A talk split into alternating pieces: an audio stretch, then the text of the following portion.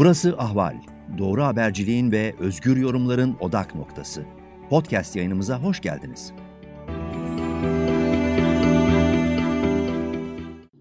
Merhaba dinleyicileri. Dördüncü evre kanser hastası Ayşe Özdoğan'ın tutuklanarak cezaevine konulması tepkilere neden oldu. Aslında Ayşe Özdoğan bu anlamda bir ilk değil. Cezaevlerinde binlerce ağır hasta durumda olan mahkum var.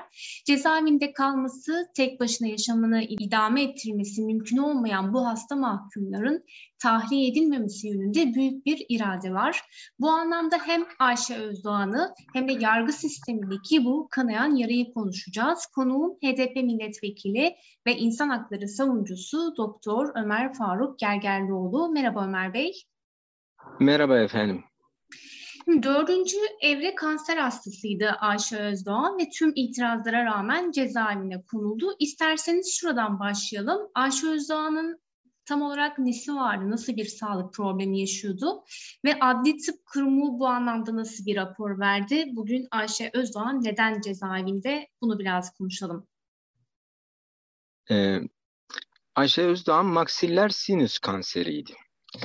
Tıbbi e, tabiri bu. E, halk arasında anlaşılması için elmacık kemiği kanseri. Sol elmacık kemiği kanserdi. Nadir rastlanan bir hastalık, kanser.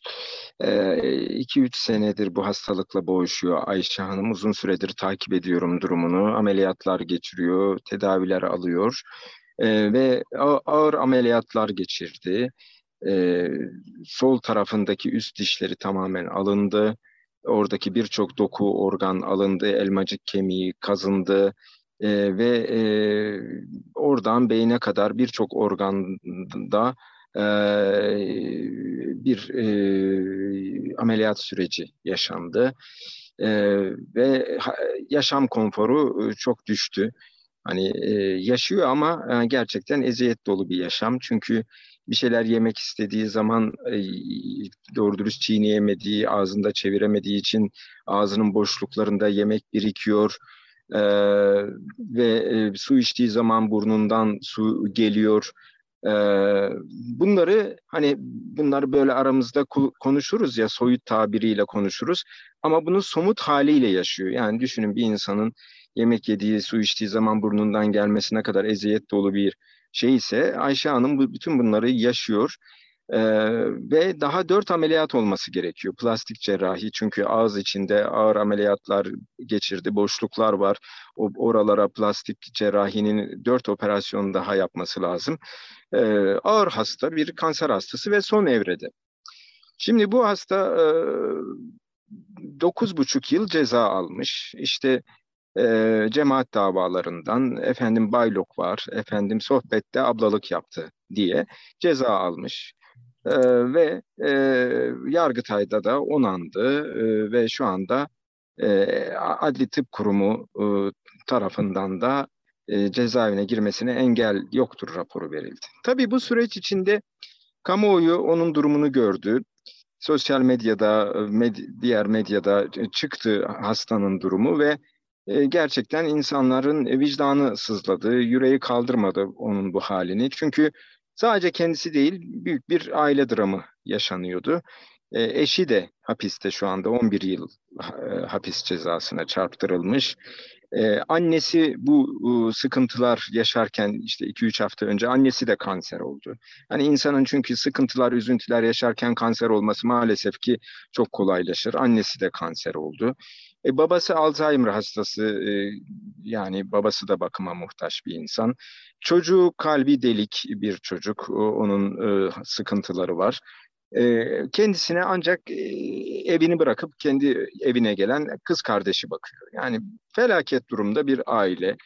E, ve Antalya Eğitim Araştırma Hastanesi'nden bir e, rapor alması istendi. O da bir hasta olarak Gitti bu hastaneden bir rapor aldı. Cezaevinde kalamaz raporu verdi hastane. Yani koca heyetlere girdi ve cezaevinde bu kişi kalamaz raporu verildi. Ama son kararı Adli Tıp Kurumu'nun vermesi gerekiyordu. Adli Tıp Kurumu'na gitti evraklar. Hepimiz bekledik. Kamuoyu nefesini tuttu bekledi. Adli Tıp Kurumu işte şu şu evraklar eksik git bir daha diğer başka bir fakülteden getir dedi. Kadıncağız e, dışarı e, seyahat etme de engel vardır raporu olmasına rağmen o güçlüklerle, sıkıntılarla hastane kapılarında gitti. Yeni bir rapor işlemine tabi tutuldu. Onu, onu da aldı, gönderdi Adliye Tıp Kurumu'na ve maalesef Adli Tıp Kurumu cezaevinde kalabilir raporu verdi ve savcılığın e, işlem yapmasıyla dün itibariyle Ayşe Özdoğan cezaevine konmuş oldu. Çok e, üzücü bir hadise. Kamuoyu zaten büyük tepki gösteriyordu. Bu kadın cezaevine konmamalı olacak bir iş değil. Ama göz göre göre bu kadın dün itibariyle cezaevine kondu. Herkesin vicdanı sızladı. Gördünüz sosyal medyada büyük bir tepki oldu. Vicdanı olan herkes buna isyan etti. Yani nedir yani bu kadın eli kanlı katil mi bu kadar acımasız davranıyorsunuz? Yani bir zamanlar bir cemaat içinde bulunmuş, bulunduğu yer e, hakkında da öyle bir yani ben bir örgütte bulunuyorum mülahazasıyla da orada bulunmamış. Yani ben işte Allah rızası için bir, bir yerde bulunup bir, bir şeyler bir hizmet yapıyorum diye orada bulunmuş. Ne bir insan öldürmüş ne bir şey ama böylesine ağır bir ceza ve ağır bir muamele ee, ve ve aynı zamanda da hasta olduğu halde de yine onu cezaevine koyma muamelesi.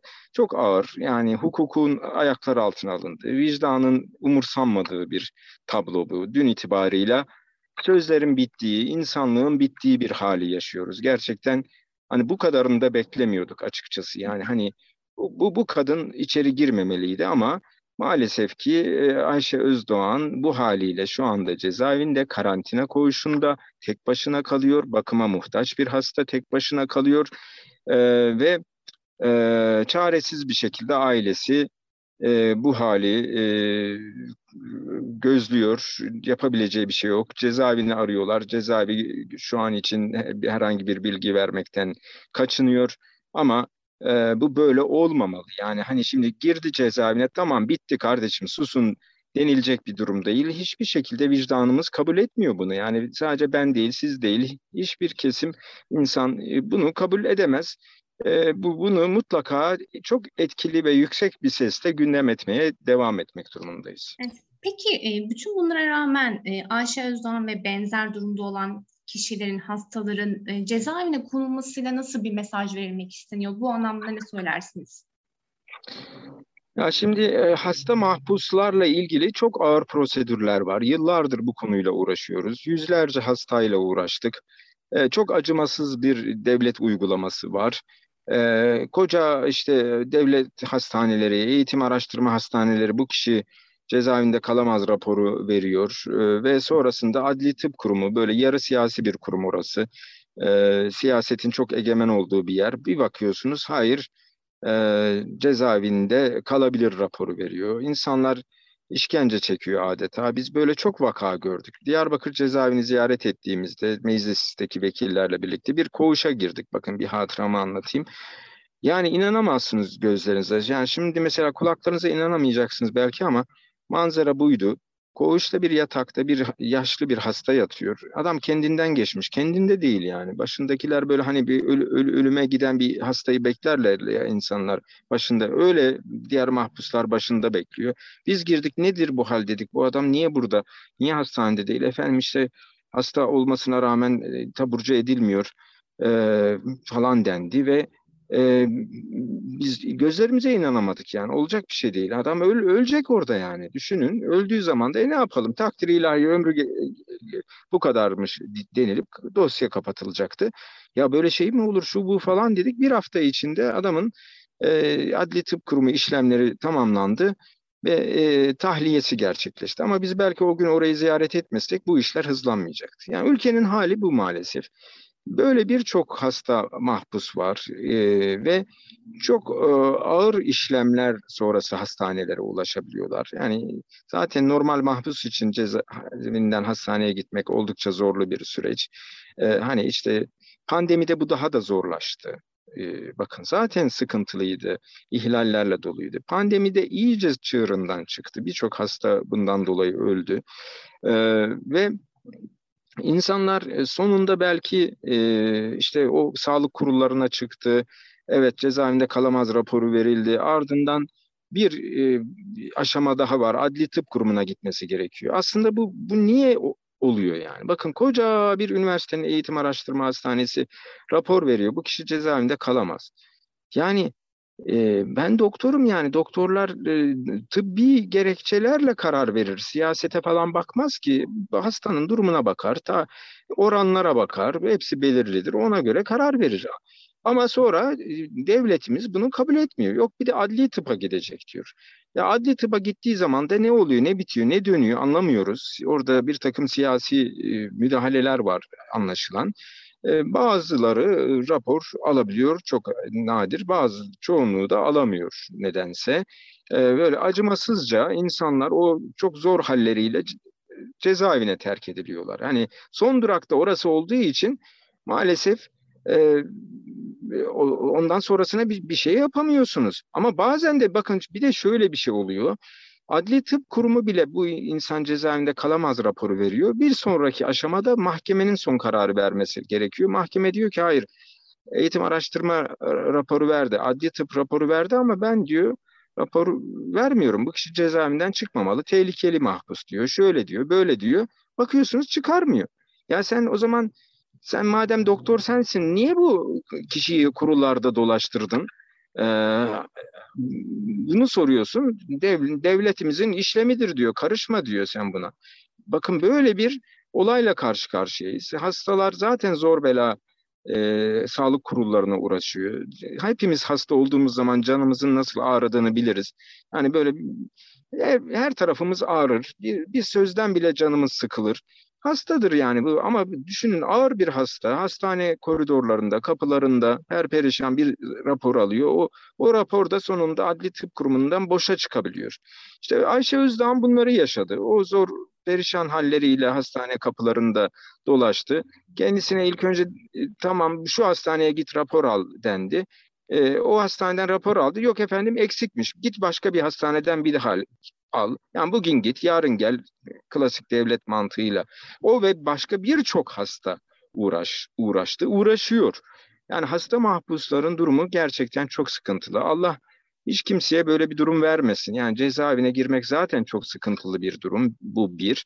E, özgürlüğünüz kısıtlanıyor e, ve artı haklarınız da kısıtlanıyor. En ağır da e, kısıtlanan hakkınız sağlık hakkı oluyor. Yani hasta oluyorsunuz, doktora ulaşma, tedavi olma şansınız oldukça düşük oluyor ve e, mesela bir başka örnek vereyim. Şu an takip ettiğimiz bir hasta mahpus e, Ahmet Dizlek.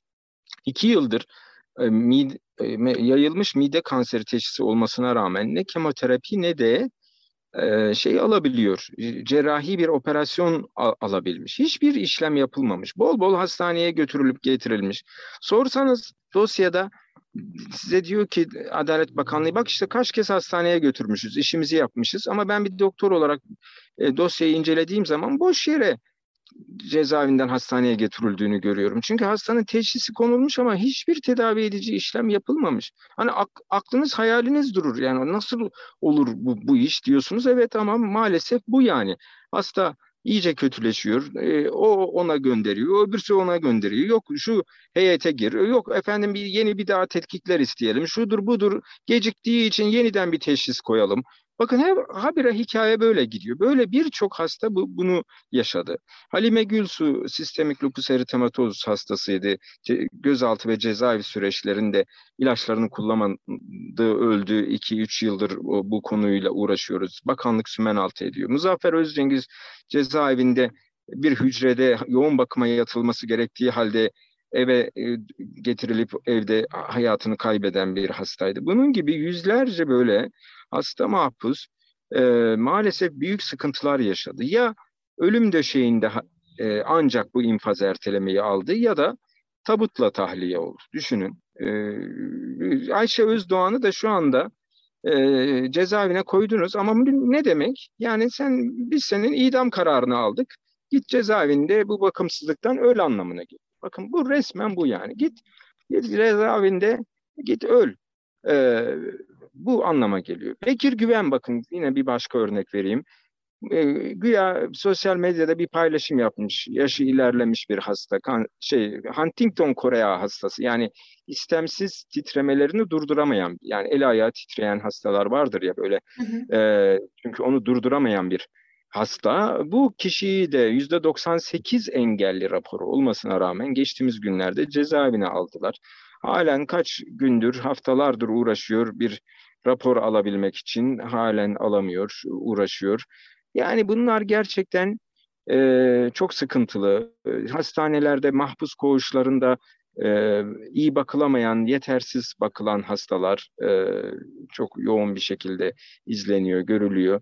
E, Birçok hastanede mahpus koğuşu var. Hastalar bizde mahpus koğuşu yok diye geri gönderiliyor mesela. Yani kardeşim nedir bu ya? Hastaneye zor bela gidiyor zaten. Bizde mahpus koğuşu yok, yatıramayız bunu. Hadi güle güle. Hasta bir daha geri dönüyor. Başka bir hastanelere gidiyor. Böyle işi gücü yollarda dolaşmak ama tedavi alamayan, raporunu alamayan yüzlerce hastanın olduğu bir yerdeyiz. Mehmet Emin Özkan mesela 80 yaşını aşmış hasta bir mahpus, perişan durumda ve e, kaç kezdir adli tıp kurumu ona rapor vermiyor. E, yani adam artık ölsün mü hastanede perişan durumda e, ama e, hala bir acımasızlık yani o yani cezalandırıldığı maddeye bakıyorlar. Falanca maddeden sen cezalandırılmışsın. Falanca suçtan adeta bir intikam operasyonu. Sen sen işte şöyleydin biz senin canını okuruz. Sen hiçbir şeyden faydalanamazsın mantığı. Ee, gerçekten çok üzücü, e, kabullenilecek bir durum değil. Çok vahim bir durum. Ee, yani çok üzüntüyle takip ediyoruz. Yüzlerce hasta takip ettik teki bile ihlale uğramamıştır denilemez. Hemen hepsi ihlale uğradı. Yaşam süreleri bu ihlallerden dolayı kısıtlandı, azaldı ve çok acılar çektiler. Şu anda Ayşe Özdoğan da adeta bir işkenceye yollandı. Hani düşünün yani şu an zaten kadının yaşamı bir işkence. Sen onu bir de tek başına bakıma muhtaç bir hastayı tek başına bir hücreye koydun. Yani bu inanılacak bir şey değil. İnsanlık adına büyük bir ayıp. Yani biz nasıl dışarıda yemek yiyebiliriz, sevdiklerimizle beraber olabiliriz. İnsanlık adına utan utanmamız gerekir hepimizin. Devletin de toplumun da bu kadar isyan ediyorum yani. Bu kadar isyan ediyorum. Düşünün hepimiz için yani yani dine inanan herkes şunu bilsin ki öte dünyada da bunun hesabı sorulur. Yani bu bu dünyada bu bunun bu adaletsizliğin cezası verilmezse mutlaka öte dünyada bunun hesabı sorulur. Yani kimse bu vebalden kurtulamaz. Bakın çok net söylüyorum. Bu çok ağır bir vebaldir. İnsan bir insanın haline bu kadar böyle bir duyarsız bir toplumu ve devleti, bakanlıkları, Adalet Bakanlığı, Ceza Tevkif İşleri Genel Müdürlüğü'nü kabul edemiyorum. Ben onları çok iyi tanıyorum. Binlerce vaka onlara sunmuşum. Hiç umurlarında değil. Çok bariz ihlal vakalarının hepsinin üstünü örtüyorlar. Yani gerçekten o kadar beddua alıyorlar ki inanılmaz bir şey. Evet yani biz hakimiz, biz güçlüyüz, dosyaları örteriz diye düşünüyorlar ama bunun bir de bir başka dünyası var. Bunu da bilmeleri lazım. Bu dünyada bu işlerden sıyrıldıklarını düşünüyorlar. İşte biz dosyayı kapattık. Kimse bizden soramaz diye düşünüyorlar ama yani gerçekten artık diyecek bir şey bulamıyorum. Yani çünkü e, yaptı, yaptıkları e, görüntüde yanlarına kar kalıyor. Mutlaka ya bu dünyada ya öte dünyada bunun hesabını vermek durumundalar. Çünkü vicdan bunu kabul etmiyor e, Dicle Hanım. Peki son olarak e, çözüm nedir Ömer Bey? Yani e, siz adli tıp kurumunun önemine, yani bu süreçteki rolüne ve siyasi bir kuruma dönüştüğüne dikkat çektiniz ve e, tahliye e, edilebilmesinin önündeki çok en önemli rapor adli tıp kurumundan geliyor. Siyasi bir kuruma dönüştüğüne dikkat çektiniz. Peki ne yapılması gerek? Bu sorun nasıl aşılacak? Muhalefet partileri bu anlamda nasıl bir rol alabilir? alabilir? Siz ne dersiniz? Şimdi efendim bir kere e, yetkililerin duyarlı insan olması lazım. Yani hepimiz hasta oluyoruz. Sen hasta olduğunda nasıl ilgi bekliyorsan, bir kişi bile sana geçmiş olsun dediğinde mutlu oluyorsan değil mi? Hepimiz mutlu oluruz. Yani birisi bize geçmiş olsun dese bile böyle bir hoşumuza gider. E, devlet yetkilileri yani hasta mahpusu böyle bir meta gibi görüyor. Yani insan gibi görmüyor. Ya işte o kadar böyle sıradan bir muamele yapılıyor ki ya insan oğlunun şimdi bir doktor olarak biz bu konulara çok hassasız. Yani bir dakikasının bile kaybı o hastalığın da hızlı ilerlemesine ve yapılabileceklerin gecikmesine neden oluyor. Bu hassasiyetle e, biz konuya bakarız ve bakıyorsunuz ki aylarca haftalarca gecikmeler oluyor. Adamın hastalığı iyice ilerliyor ve sonrasında yani o kişiyi hastaneye defalarca götürseniz bile boşuna oluyor. Boşuna kürek çekiyorsunuz. Yani bakın hasta için bize demiş ki Ahmet Dizlek için 82 defa seni hastaneye götürmüşüz. Güya dosyada her şey yapılmış gibi görünüyor. Aslında hiçbir şey yapılmamış. Bakın bu kadar vahim bir uçurum var. İşi bilen bunu görüyor. Siz bilemezsiniz. Biz doktor ve insan hakları savunucusu olarak bunu çok iyi görüyoruz. Yani ortada görüntüde birçok işlem yapılmış ama anlamlı tek bir işlem yok ortada. Şimdi bir kere bu duyarlılıkta olmalı cezaevi müdürleri, yetkilileri. Hasta ise bir insana önem vermeli, bu işi hızlandırmalı, cezaevlerinden sevklerde aksama olmamalı e, hastanelerde de doktorlar bu gibi hastaların dezavantajlı hasta grubu olduğunu bilmeli. Bizde tıpta bu, bu böyle denir. Dezavantajlı hasta grubu. Yani bu adam cezaevinden hastaneye gelmesi zaten daha zordur. Cezaevindeki şartları zordur. O yüzden bu hastaya bir özel önem verelim denir doktorlar, tıp camiasında. Böyledir bakın. Şimdi ama bu da yapılmıyorsa, bakıyorsun Hipokrat yeminini unutmuş doktor, diyor ki e, ya işte seni ameliyat ederim ama e, sen diyor belki yatakta kalırsın, masada kalırsın. Yani adamın suçuna bakıyor, ona göre e, hastaya bir şeyler söylüyor. Düşünebiliyor musunuz? Ya bir doktor hastanın siyasi suçuna veyahut da başka suç türüne bakabilir mi? Senin işin can, canla ilgili bir şeydir, tıptır. Ama böyle şeylere de maalesef ki rastlıyoruz. E, bu, bu bunlar mutlak surette insani bir şekilde halledilmesi ve denetlenmesi gerekiyor. Yani mesela bizim böyle çok şikayet ettiğimiz doktor oldu. E, siyasi muamele yaptığı için maalesef dosyaların üstü örtülüyor. Bunları da görüyoruz. E, hastaneler yine yaptıkları hataların üstünü örtmek için yoğun bir gayret sarf ediyor. Soruşturma izni verilmiyor bakın. Yani yetkiliye falanca doktoru jandarma e, komutanını şikayet ediyorsunuz. Amirleri e, o yetkiyi veriyor. Soruşturma izni vermiyorum diyor. Mesela valilik. Geçenlerde Veysel Atasoy diye bir mahpus 35 gün yoğun bakımda kelepçeyle yatağa bağlı kaldı. 35 gün. Adam entübe zaten. K- elini kıpırdatacak hali yok. Şuuru yerinde değil ve siz onu e, yatağa kelepçeyle tutuyorsunuz. Bu kişiler hakkında suç duyurusu yapıldı. Efendim doktorlar, jandarma görevlileri şu bu hepsi sonunda ne oldu biliyor musunuz? Kütahya Valiliği dedi memurlarımın soruşturulmasına izin vermiyorum. İş kapatıldı. Yani şimdi bakın böyle de bir duyarsızlık olmamalı. Bütün bunları da geçtikten sonra şunu söylüyorum. Biz yasa teklifi sunduk. Yasa teklifinde e, diyoruz ki Adli Tıp Kurumu na gerek yok. Ee, eğitim araştırma hastanelerinin verdiği rapor geçerli olmalı diyoruz. Ya niye eğitim araştırma hastanesini kabul etmiyorsun? Onlar doktor değil mi yani? Bir hastane rapor vermiş, devletimiz diyor hayır. Başka bir benim e, görevlilerimin bulunduğu bir e, özel atamayla göreve getirdiklerimin bulunduğu bir kurum son kararı verecek. Ya o zaman hastaneleri kapatalım sen onun raporuna itibar etmiyorsan. İşte bakın Kaç tane vakada böyle oldu. Aysel Tuğluk'ta Kocaeli Üniversitesi Adli Tıp Kurumu e, cezaevinde kalamaz dedi. E, Adli Tıp Kurumu reddetti. E, yine e, efendime söyleyeyim Ayşe Özdağ'ın da Antalya Eğitim Araştırma Hastanesi cezaevinde kalamaz dedi. Adli Tıp Kurumu reddetti. Böyle daha yüzlerce vaka var. E peki o zaman sen bu doktorların doktorluğunu kabul etmiyorsun anlamına geliyor. Doktor Doktor şeye göre mi karar veriyor? O kişinin siyasi durumuna göre mi karar veriyor? Doktor ne bilir yani oradaki eğitim araştırmadaki doktor bakıyor evet bu kişi kalamaz diyor. Ama belli ki siyasi bir müdahale gücü olan adli tıp kurumu e, kalabilir, kalamaz olanı kalabilir hale getiriyor. Şimdi biz yasa teklifi verdik. Adli tıp kurumu değil, eğitim araştırma hastanelerinin raporları yeterli olsun diye. Ama bunu bu yasa teklifimizi de nazarı dikkate al almadılar. E, ve şu an eski tas, eski hamam bu zulüm devam ediyor. Başkalarının da başına gelecek. Belki yarın öbür gün sizin benim de başıma gelecek. Böyle cezaevlerinde sürüneceğiz hasta hasta halimizle. Bakın bu, bu maalesef yani bitmiş bir hadise değil. Bu giderilme noktasında bir adım atılmıyor ki. Ben hem şikayet ediyorum hem de giderilmesi için yasa teklifi veriyorum ama öylesine zalim ve vicdansız bir anlayış var ki umurunda değil yani. İçerideki zaten diyor benim muhalifim olan bir insan canı çıksın diyor. Bana ne? Ne olursa olsun ölüm döşeğinde mi çıkacak cezaevinden, tabutta mı çıkacak, bana ne diyen bir devlet anlayışı var karşımızda. E, bu çok üzücüdür. Yani ben insanlığa sesleniyorum. Bu bu zalimliği yapanlar da yarın öbür gün bir şekilde cezaevine düşer. Bu hallere düşerler. Ondan sonra e, ya, yani kendi başlarına gelir ve bin pişman olurlar. E, uyarıyoruz. Akılları başlarına gelsin. Yapmasınlar bu işi. Biz işin yolunu gösteriyoruz.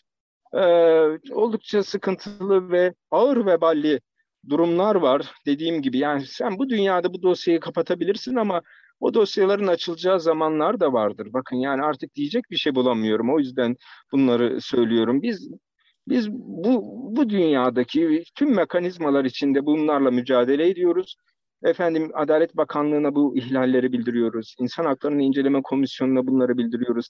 Tek başıma ben bunlarla mecliste basın toplantılarımda uğraşıyorum ama bütün bunların üstünü örten bir cezasızlık politikasıyla karşı karşıya kalıyorum. Ee, İnsan Hakları Komisyonu umurunda değil bakın. Yani meclisin bir İnsan Hakları Komisyonu var. Başkanı AK Partili. Bütün bu ihlallerin üstünü örtmekle meşgul. Yani korkunç bir durum bu. Yani bu ihlallerle uğraşmak yerine bu ihlallerin üstünü örten bir İnsan Hakları Komisyonu başkanlığı var. Nedir ne bu hasta mahpusların durumunu, ne işkence vakalarını, ne insan kaçırmaları, ne helikopterden atılan Kürt köylüsünü hiçbirini araştırmayı düşünmeyen bir İnsan Hakları Komisyon Başkanlığı var. Yani adamlar oraya kırmızı plakalı araca binmek için gelmiş o başkanlığa. Ee, inanın ki e, yani çok büyük bir vebal ve suç e, ve hak çiğneme ama ki umurlarında değil ve bunu çok rahat bir şekilde yapabiliyorlar. Ee, biz ise e, elimizden gelen bireysel çırpınmayla sonuna kadar gayret ediyoruz ve etmeye de devam edeceğiz. Peki Ömer Bey çok teşekkür ediyorum yayına katıldığınız için. Estağfurullah teşekkür ederim. Siz de duyarlılık gösterdiğiniz için. Teşekkür ederim. İyi günler. Ahval podcastlerini tüm mobil telefonlarda Spotify, SoundCloud ve Spreaker üzerinden dinleyebilirsiniz. Apple iPhone kullanıcıları bize iTunes üzerinden de ulaşabilir. Türkiye'nin ve hayatın cıvıl cıvıl sesleri Ahval Podcast dizisinde. Kulağınız bizde olsun.